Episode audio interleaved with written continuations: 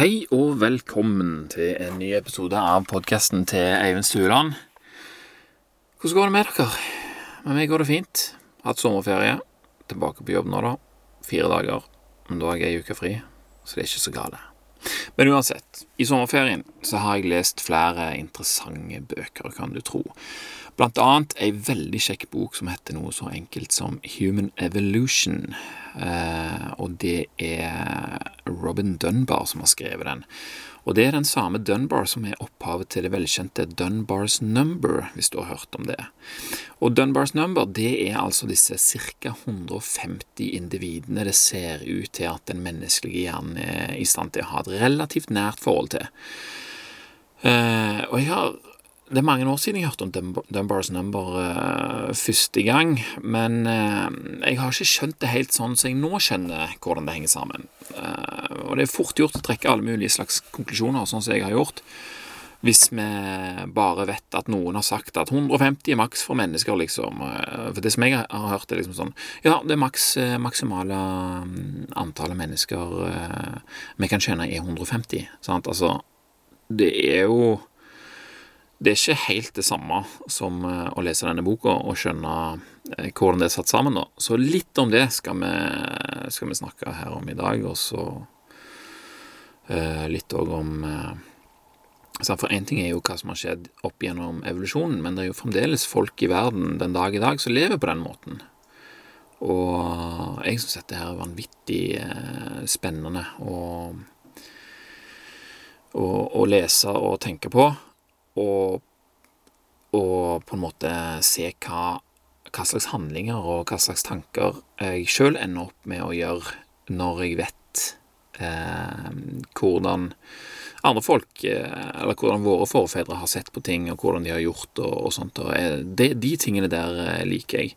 Så dette er 150-tallet. Det er altså litt mer komplisert enn at det er så mange folk vi kan, vi kan kjenne, men det skal ikke mye justering til før denne tanken her begynner å gi eh, mye mer mening, da, og at den blir mye mer praktisk.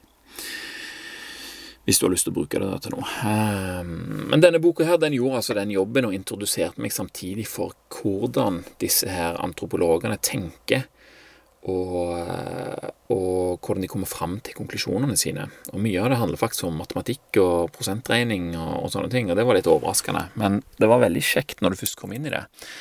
Og tidsbudsjett er en ting som de eh, tenker mye på. Hva brukte våre forfedre tiden sin på?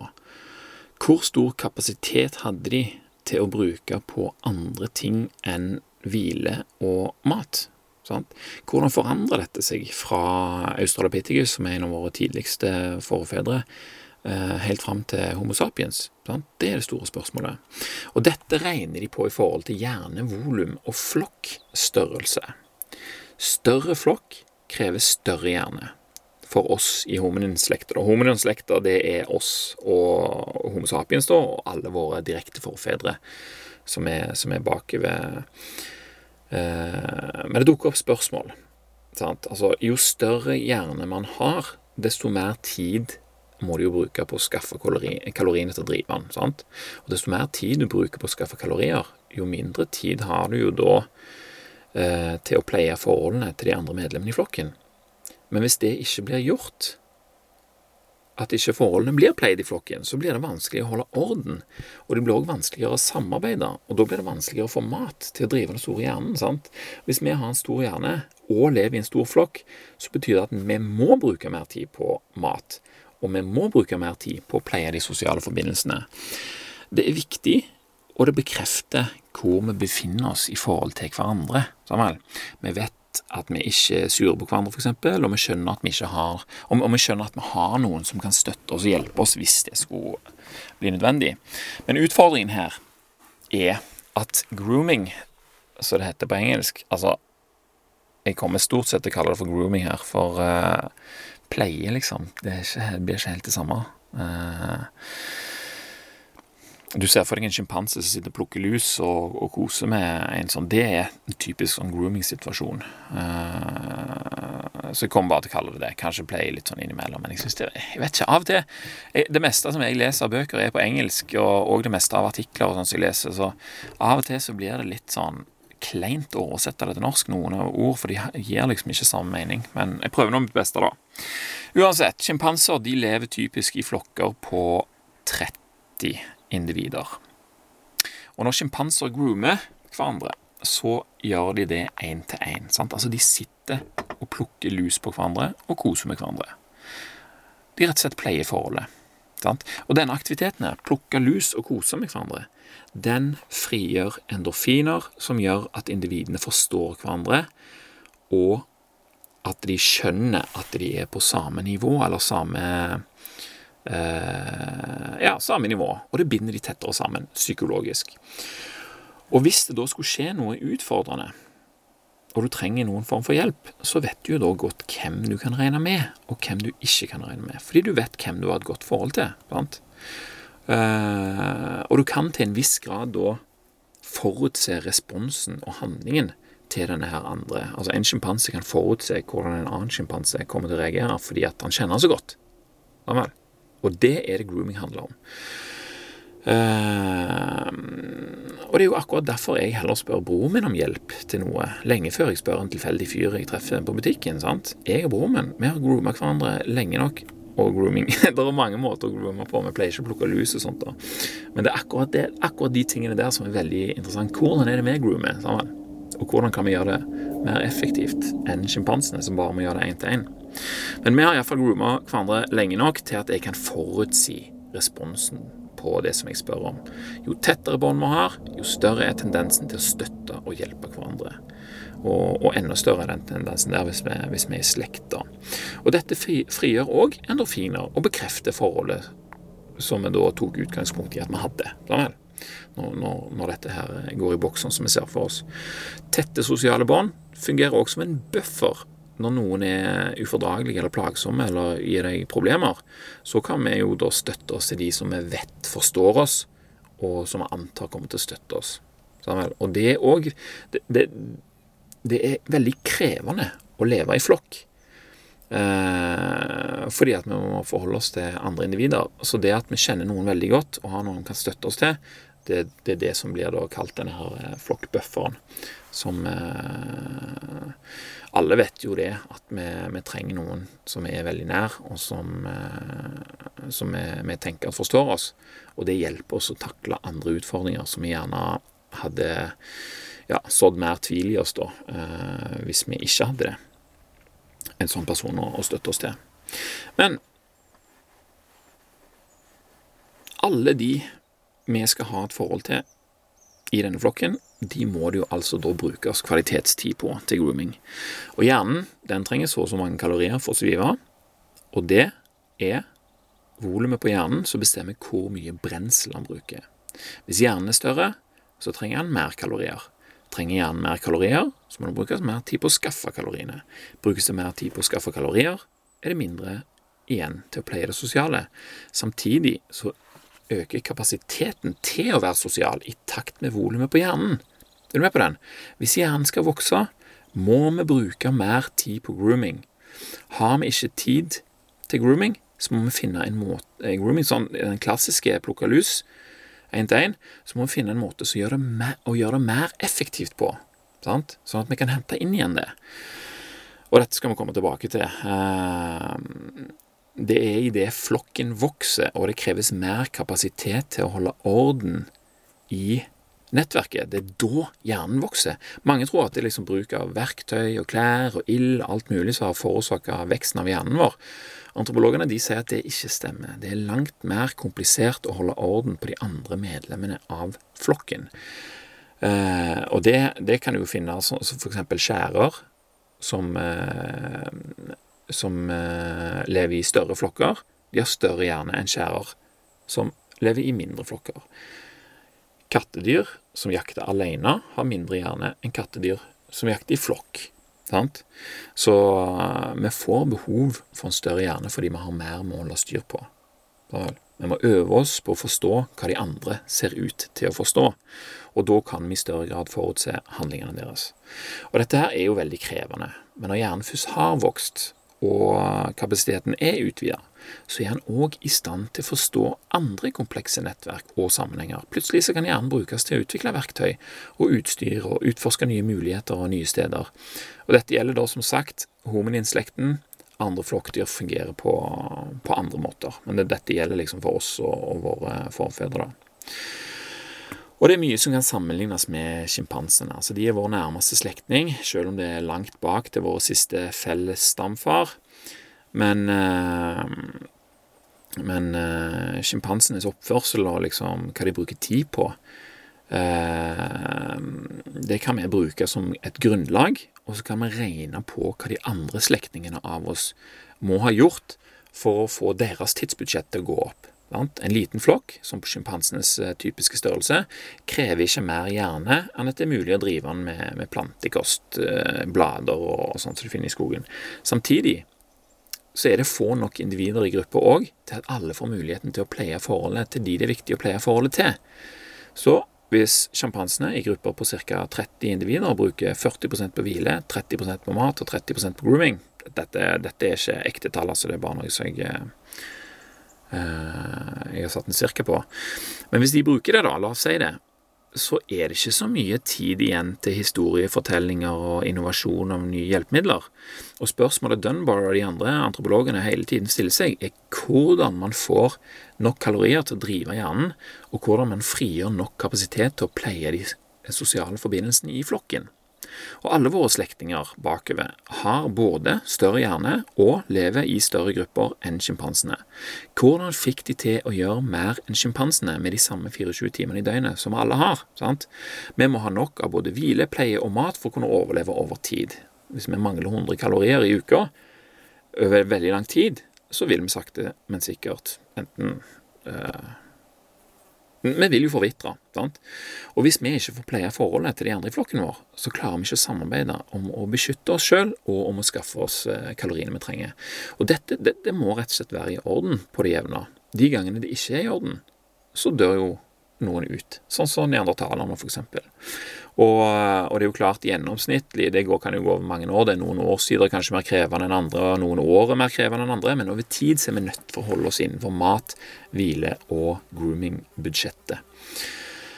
Uh, og det som er det, det, jeg liker veldig, veldig godt, det er å lese flere bøker på en gang som handler sånn røftlig om det samme. Og den Human Evolution den leste jeg samtidig som jeg leste en annen bok som heter Forest People, som er skrevet av en som heter Colin Turnbull, som også var antropolog, men som bodde sammen med, med pygmeene i eh, jungelen i, eh, i Butu-jungelen, tror jeg det heter, i, i Zaire, det som var Saire da, det som er Kongo nå. Og dette er skrevet på tidlig 60-tallet eller 50-tallet, et, et eller annet sånt. Men en helt fantastisk bok å lese, samtidig som en lærer mer om hvordan menneskene utvikler seg, og hva som endte opp med å gjøre oss overlegne i naturen. For alt det som står i den evolusjonsboka, det er tydelig i den Forest People-boka. Det, det, det, blir beskrevet så naturlig, alle de tingene de holder på med, og, og det blir så lett å koble det opp mot eh, hva for noen fordeler dette her ga for et folk som, som, bor i naturen, som er en ganske fjern tanke for oss nå, egentlig. Alt det det innebærer å bo i naturen. Hvis vi skal ut i naturen, så tar vi med oss nok av hjelpemidler fra den moderne verden. Det gjorde ikke de. De fiksa alt sammen sjøl. Og, og, det innebærer enormt mye. Uh, så altså Det syns jeg er veldig kjekt å lese om hvordan antropologene mener ting har skjedd, samtidig som vi kan kjenne tendensen igjen både hos pygmeene, som jeg eh, leser om, og hos meg sjøl, og hvordan jeg lever i, eh, i eh, mitt habitat, for å kalle det det. Vi er de samme folkene, både pygmeene, de 200 000 år gamle menneskene, forfedrene våre, og oss. Vi er like, men kulturen er veldig forskjellig. Eh, all vår informasjon og viten har ført til at vi oppfører oss ganske annerledes og har ganske annerledes verdier enn eh, det som en gang var vanlig, da. Og det som fremdeles er vanlig i andre grupper. Det fins jo, disse, jo jeger-sanker-grupper rundt omkring i verden ennå. Selv om de selvfølgelig er jo eh, Det er jo ikke til å unngå at de, de blir preget av Vesten. Men noen er jo sånn såkalte u... Hva det kalles? Folk som ikke har møtt sivilisasjon ennå. Det fins jo sånne folk ennå. Det er blant en dokumentar på Netflix som handler om det. Jeg husker ikke hva den heter, men jeg husker det var interessant å se på. Da, da begynte jeg å tenke mange av disse tankene her. Hvordan tenker de, hvordan forholder de seg, ikke sant, og, og sånn. Spurte de den ene sånn Hvor, hvor, hvor går dere? Eh, dette var i Amazonas, noen som ble pressa ut av jungelen av sånn skoghoggere og sånn. Det var helt ifra seg. Men så etter hvert så, så spurte de liksom for eksempel Hva skjer med dere når dere dør? Nei, da, da fyker sjela vår nedover elva her, og så plutselig sånn fyker han opp, og så går han inn i de greiene som flyr der oppe. Og så spør han hva greier som flyr der oppe? Fly nå, selvfølgelig. De vet ikke hva det er, men de ser det på himmelen for det om. og deres logiske tanke var jo sikkert alltid at sjela føyk opp. Men hvor? Jo, det må jo være inni de flyene. Sånne ting, liksom. Det, det syns jeg er vanvittig kult. å prøve å sette meg inn i hvordan det er å ha sånne oppfatninger. Men uansett, nå, nå hoppet jeg av her. Skal vi se mm, mm, mm, mm, mm. Ja. Og så er det disse her egenskapene, da, som vi har utvikla. Som har hjulpet oss å holde oss i live, og som har hjulpet oss å eh, kolonisere hele verden gjennom tusenvis av år. Eh, noen av de egenskapene har vist seg å være praktiske og ta i bruk til helt andre ting, som først viser seg å være praktiske eller kjekke når vi allerede har hjernen til å forstå hvordan dette henger sammen. Altså, vi utvikler hjernen for å kunne takle de sosiale kravene som kommer med større grupper. Men nå bruker vi den samme kapasiteten til å løse ligninger og produsere kunst og litteratur og sende raketter til både månen og Mars. Pygmeene de synger med skogen hele tida.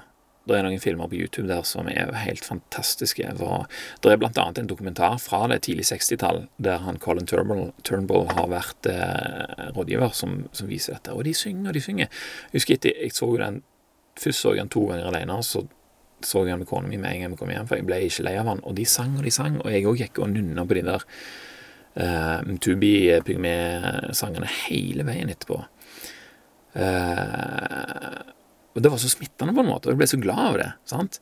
Og det er det pygmeene òg blir. De synger med skogen hele tida, og det frigjør endorfiner og bringer de sammen. De samkjøres og danner en felles oppfatning av hva som skjer, og hvordan de har det. Ikke bare én til én, sånn som sjimpansene gjør, men alle som synger, groomer hverandre. Og dette skal vi snakke mer om. Men etter hvert som teknologien gjorde det mulig å gjøre opptak av lyd og sang og sånn, så kan det jo se ut som om liksom, hvis, du, hvis, et romvesen hadde kommet eh, til oss, så kunne det liksom sett ut som om eh, vi har blitt enige om at det, det er kun noen få som kan få synge. Så spiller vi det inn, og så hører vi andre på det når det passer oss. Og sjøl, vi som pleier å høre musikk, vi pleier veldig sjelden å synge sjøl. Og så blir vi flaue når vi gjør det. Sant? Det, det, er jo sånn det er nå, uh, istedenfor å synge fra morgen til kveld liksom, med alle du bor med og alle du kjenner. Det høres jo helt fantastisk ut. Historiefortelling rundt bålet, det var viktig for å samkjøre og skape en felles oppfattelse. En annen type, type grooming som var mer effektiv enn en plukking av, eh, av, lys. Og som òg er Vi mennesker er jo det eneste som kan gjøre det sammen. Og det har en veldig stor eh, sammenheng med hvor langt vi har kommet. Uh, og der òg var det vanlig at alle deltok. Alle kunne fortelle historier, og alle kunne høre på. Men nå nå sitter vi alle med hver vår egen oppfattelse av hva som skjer, siden historiene vi tar til oss, er tilpassa våre individuelle tendenser. Sant? Og når jeg, ser, når jeg leser sånne ting, så får jeg en annen oppfatning av hva mine egne verdier hva jeg ønsker at mine egne verdier skal være. Jeg, jeg, får lyst til å endre på dette. Vent litt, dette her høres ut som er noe ganske sånn eh, mektig og større enn meg, men som jeg bør ha, ha, respekt for, liksom. Jeg bør ikke bare forkaste det. Og så tenker jeg mer og mer på det, og så skriver jeg litt, leser enda flere bøker og sånn, og så ender det opp med å endre måten jeg tenker på, og måten jeg oppfører meg på. Og selvfølgelig, jeg syns jo personlig at det, det, blir til det bedre, da, mens andre syns kanskje at det, Hvis du ikke vet det samme som meg, så blir det kanskje helt ulogisk hvorfor jeg gjør sånn som jeg gjør. Eh, men uansett uh, Disse her tingene som har vært viktige for utviklingen uh, og livene som våre forfedre lever, da, det gir, gir, et helt annet perspektiv på ting. Og, og jeg får lyst til å, å, justere mine egne verdier i den retningen, da. Jeg får lyst til å holde litt igjen, rett og slett, sånn at jeg kan få med meg noen av disse her verdiene. Fremtiden og nåtida alle tiders den, altså, ikke misforstå meg, men jeg har en oppfatning om at fremtiden blir enda bedre hvis vi tar med oss disse her dypsittende verdiene fra våre forfedre. Det ville vært veldig trist å oppdage i framtida at vi faktisk har bruk for det, men ingen mulighet til å hente det fram igjen. Og Det er en bok som vi leste her i vår som heter Lost Connections av en som heter Johan Hari. Veldig god bok som drøfter, dette temaet her, og det handler om eh, depresjon og sånt. og Er mennesker deprimerte fordi de har forkasta viktige verdier?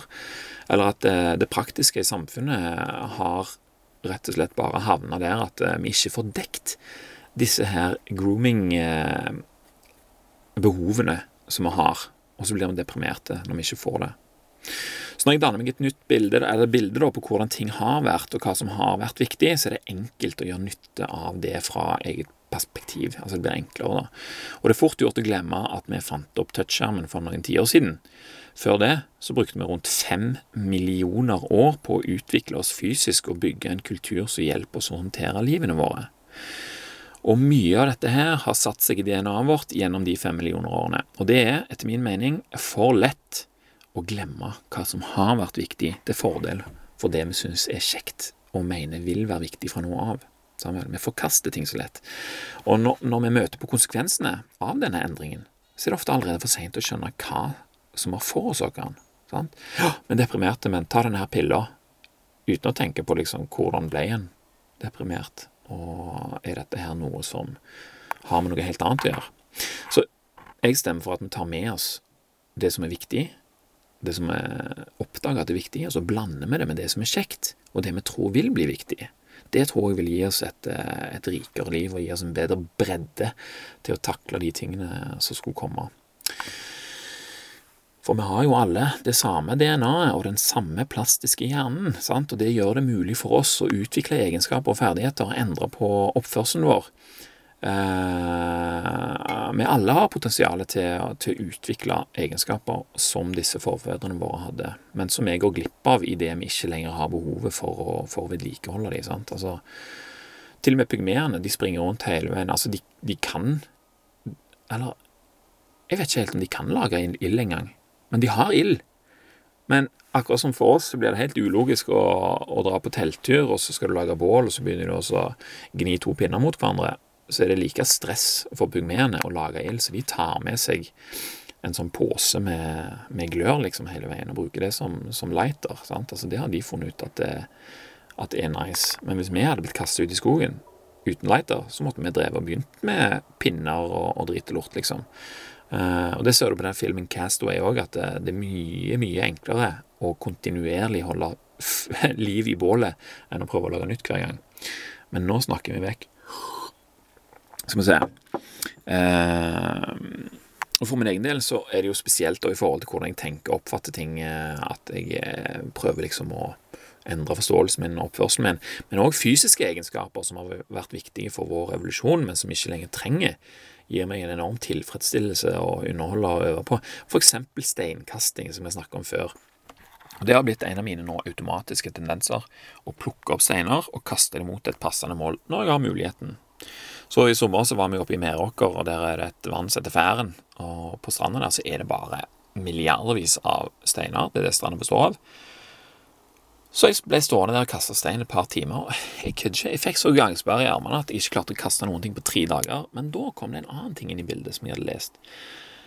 Eh, og det var at flere urinnvånere de var like dyktige med begge hender de kunne kaste like bra med høyre som med venstre. Ok, Da ble det tre dager med venstrearmskasting. Sant? Og ble jeg blitt bedre på det. Og når gangsperren hadde gitt seg, så følte jeg at jeg hadde en mye mer på en måte eh, renere kastestil, som ikke var så mye bevegelse, men som var mye bedre teknikk. liksom. Jeg trengte ikke å gjøre så mye med kroppen for å få steinen til å gå langt eh, i forhold til vi var på jobb nå, så, så sto vi ut forbi meg og en annen, så fortalte jeg han dette, og så begynte vi å kaste litt stein. Men han hadde ikke gjort det som jeg gjorde, og han var liksom armer og bein overalt og veldig vanskelig å sikte sånn, mens jeg har på en måte justert min siktegreie og har øvd litt på det nå i, i, noen måneder, så da var jeg jo mye flinkere. sant?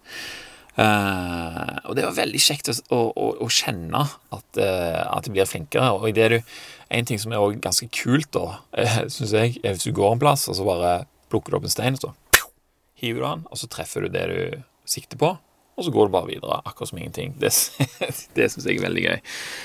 Eh, for, for tenk da Altså, Nå har jeg kasta stein bitte litt og blitt så mye bedre. Tenk hvor, bli, eh, tenk hvor god jeg kunne blitt om jeg hadde øvd gjennom hele oppveksten min. Det er noe å tenke på. Det er for seint for meg, men sønnen min Kom her, så kaster vi stein i lag.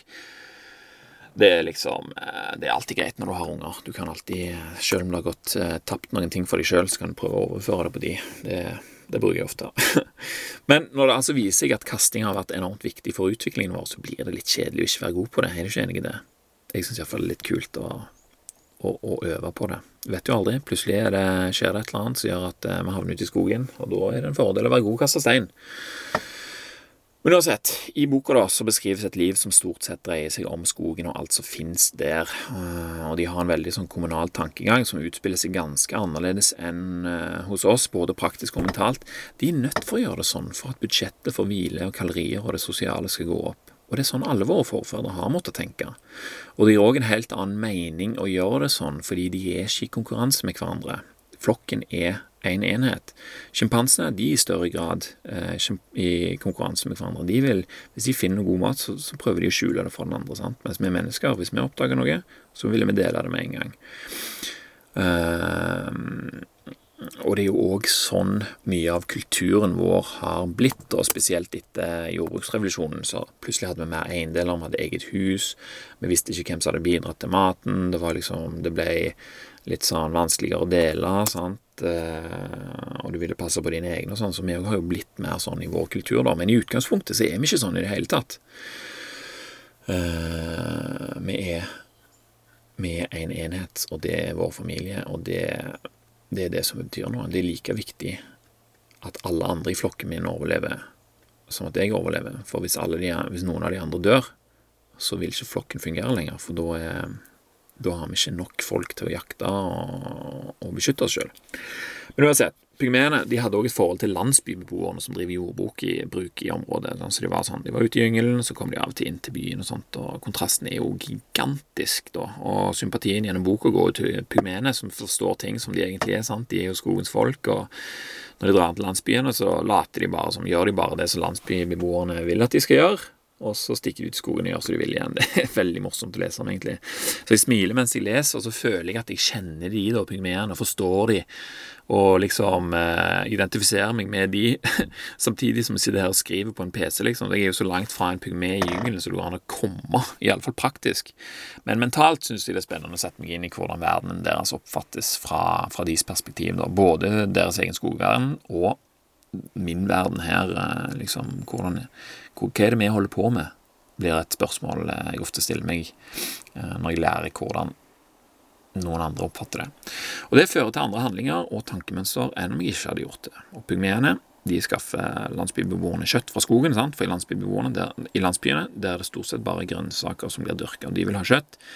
Mens pygmeene de liker jo selvfølgelig det moderne, de òg. Så de vil jo ha ris og bananer og bønner og palmevin i retur. Sånn. Og da blir jeg litt sånn Da blir jeg litt sånn trist når noe så rent og solid som skogens folk liksom de, jeg, jeg, får sånn respekt for de, og så ender de opp med å øke andelen stivelsesrik mat i dietten sin. Sant? Og sakte, men sikkert så må jo de òg takle konsekvensene av det. Sant? Så blir de mer og mer avhengig av det, og mindre og mindre interessert i å være i skogen. Sant?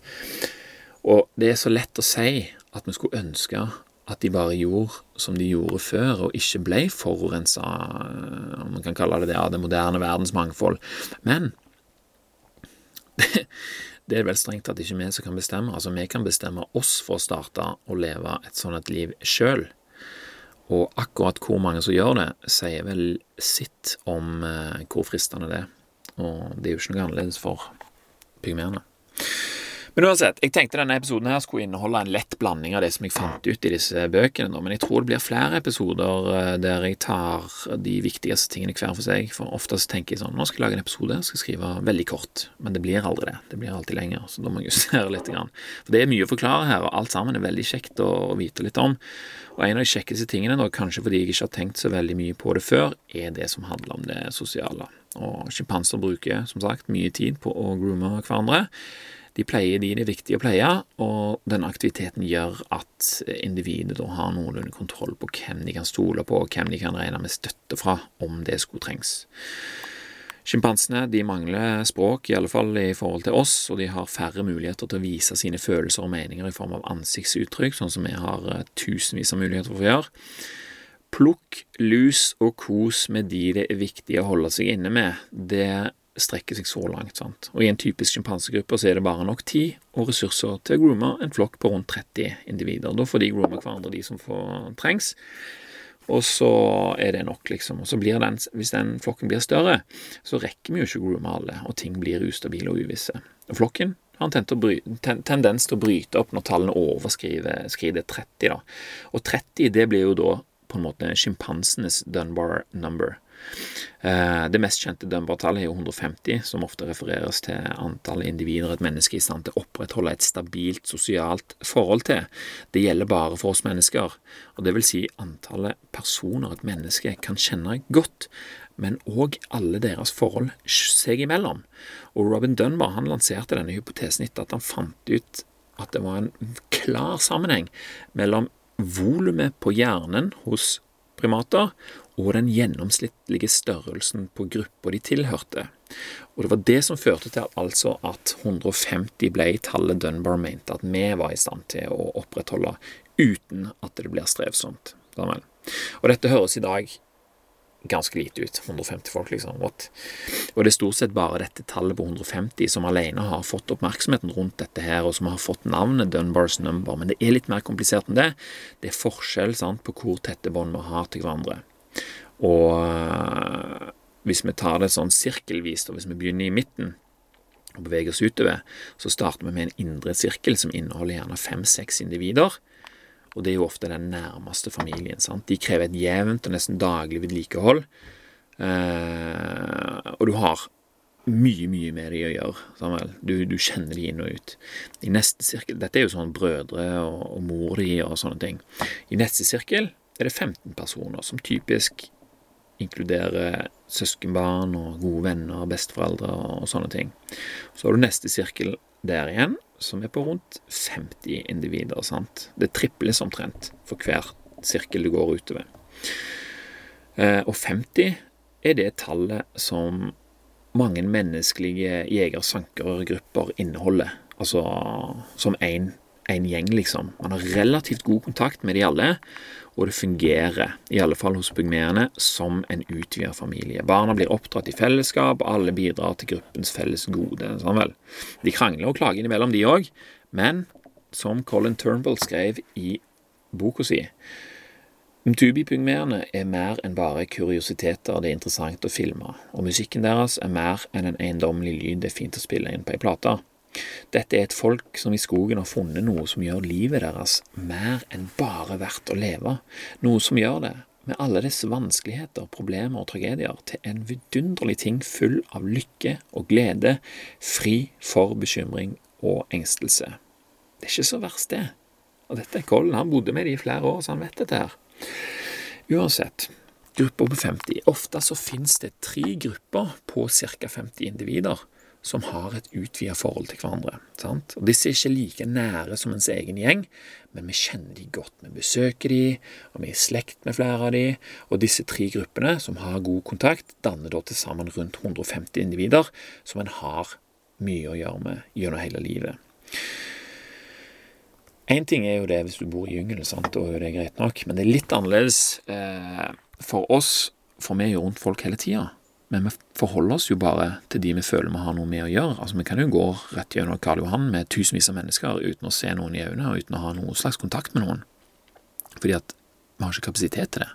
Grunnen er rett og slett at vi vi, vi, klarer det ikke, rett og slett. Vi må, vi må, vi må passe vi må, vi må, tildele oppmerksomheten vår til det som har noe med oss å gjøre, rett og slett. Vi kan ikke gi alle like mye kapasitet. Og Der kommer vi inn på den neste sirkelen, da, som er ca. 500 individer. Og Det kan vi jo se på for vår del da, som bekjente eller folk vi vet hvem er, sant? de vi har gått på skole med og jobba med, f.eks. Eh, jeg har hatt mange år jobba opp gjennom livet og jobber med masse forskjellige folk, og liksom av og til treffer de folka, og de kjenner jeg, men ikke så godt som de som er innenfor 150-sirkelen. Jo større sirkelen er, desto mindre tid vil bli brukt på å pleie forholdet. Og de ute i 500-sirkelen de har vi jo ikke akkurat daglig kontakt med, men kanskje årlig. Og neste gruppe igjen, den er på 1500, og det er den ytterste sirkelen i, i, i alle fall i den boka der. Og der går det så klart enda mindre kapasitet, kapasitet både til individene og i gruppa eh, som en helhet. Og dette er det Dunbar mener var omtrent så mange mennesker en tidlig Homo sapiens, en såkalt AMH, anatomisk moderne menneske, det var så mange de kunne møte på i løpet av et helt liv. Det var omtrent 1500 folk. Var, Selvfølgelig, det er forskjellig, men, eh, men sant, hvis vi skal lage noe sånn gjennomsnittlig opplegg på det, så, så mener han at det stemmer, da. Eh, vi møter jo på 1500 folk bare vi går gjennom Karl Johan, så vi har jo mye, mye mer folk eh, som vi møter på, men vi gir dem jo ikke den samme oppmerksomheten alle sammen. Og det er ganske interessant å begynne å gå gjennom lista av venner i anførselstegn som vi har på sosiale medier, og så begynne å plassere de i forskjellige sirkler. Sant? Så der er broren min, ja, du går her. Tanten min, du går der. Og der er han duden som jeg møtte en gang på fylla for tolv år siden. Du er i 1500-gruppa. Ganske kult. Eh, det er veldig gøy å gjøre det, egentlig. Så blir det òg litt sånn klar over hvem du setter pris på, og hvem du skulle ønske at det var eh, flytta ut, ut i en sirkel, eller inn i en sirkel, liksom. Men Dunbar har liksom sjøl uformelt sagt at 150 er liksom tallet på de vi kan kjenne godt nok til at vi kan slå oss ned med de uinvitert hvis vi treffer de i en bar eller noe sånt, uten at det er rart eller ukomfortabelt. Sånn at vi liksom 'Å, der er du! Hei!' Så kommer du og setter deg ned. sant? Hvis jeg møter broren min, selvfølgelig slenger meg ned med han som om jeg var hjemme. Sant? Og Samme hvis jeg treffer en god, gammel venn. Men noen jeg gikk i klassen med som jeg ikke har sett på noen år, det er kanskje ikke like naturlig å slenge meg eh, ned med. Det er liksom 'Å, hei, takk for sist. Ja, det var lenge siden, ja.' Og så blir du kanskje invitert, eller du spør om du kan få sette deg ned for å være høflig, sant? for å være sikker. Vi tilbringer ikke nok tid med disse folka til vanlig til at vi kjenner de godt nok til at vi kan forutse hvordan de vil reagere. Sant? Kanskje de sitter med noen andre og syns at dette var ubehagelig, eller sant? så det er best å spørre. Vi føler for å være høflige, rett og slett, og for å være på, å være på den sikre siden. Fordi at vi har ikke grooma ofte nok. Enkelt og greit. Og hvis jeg kommer inn, og så ser jeg han som jeg traff på fest for tolv år siden, så, og jeg er med noen andre folk som jeg har lyst til å være med, så prøver jeg å unngå blikkontakt med han fyren og late som om jeg ikke kjenner han igjen. Og så håper jeg at han gjør det samme, til tross for at han ønsker meg en digital til lykke med dagen på bursdagen min i mange år. Sånn er det. sant? Vi er i forskjellige vi har forskjellige kategorier på, på disse folka her som vi, som vi, møtes på.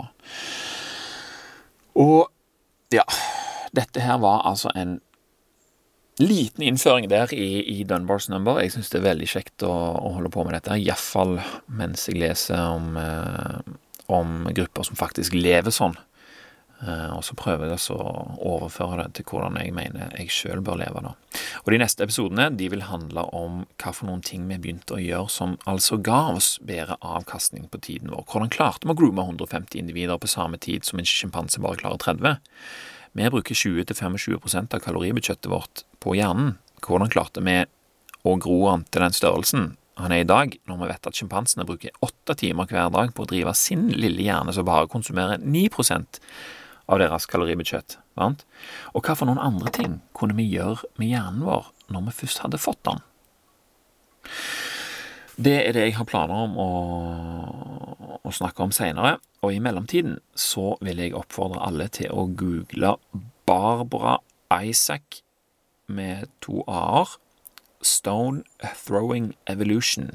Google det, Barbara Isaac Stone Throwing Evolution, og så les gjennom den PDF-en der som heter Throwing and Human Evolution, og så kan du òg begynne å kaste stein og få gangsperre i skuldrene og oppleve hvor kjekt det er å mestre en uh, eldgammel teknikk som har hatt enormt mye å gjøre for, uh, for vår uh, utvikling.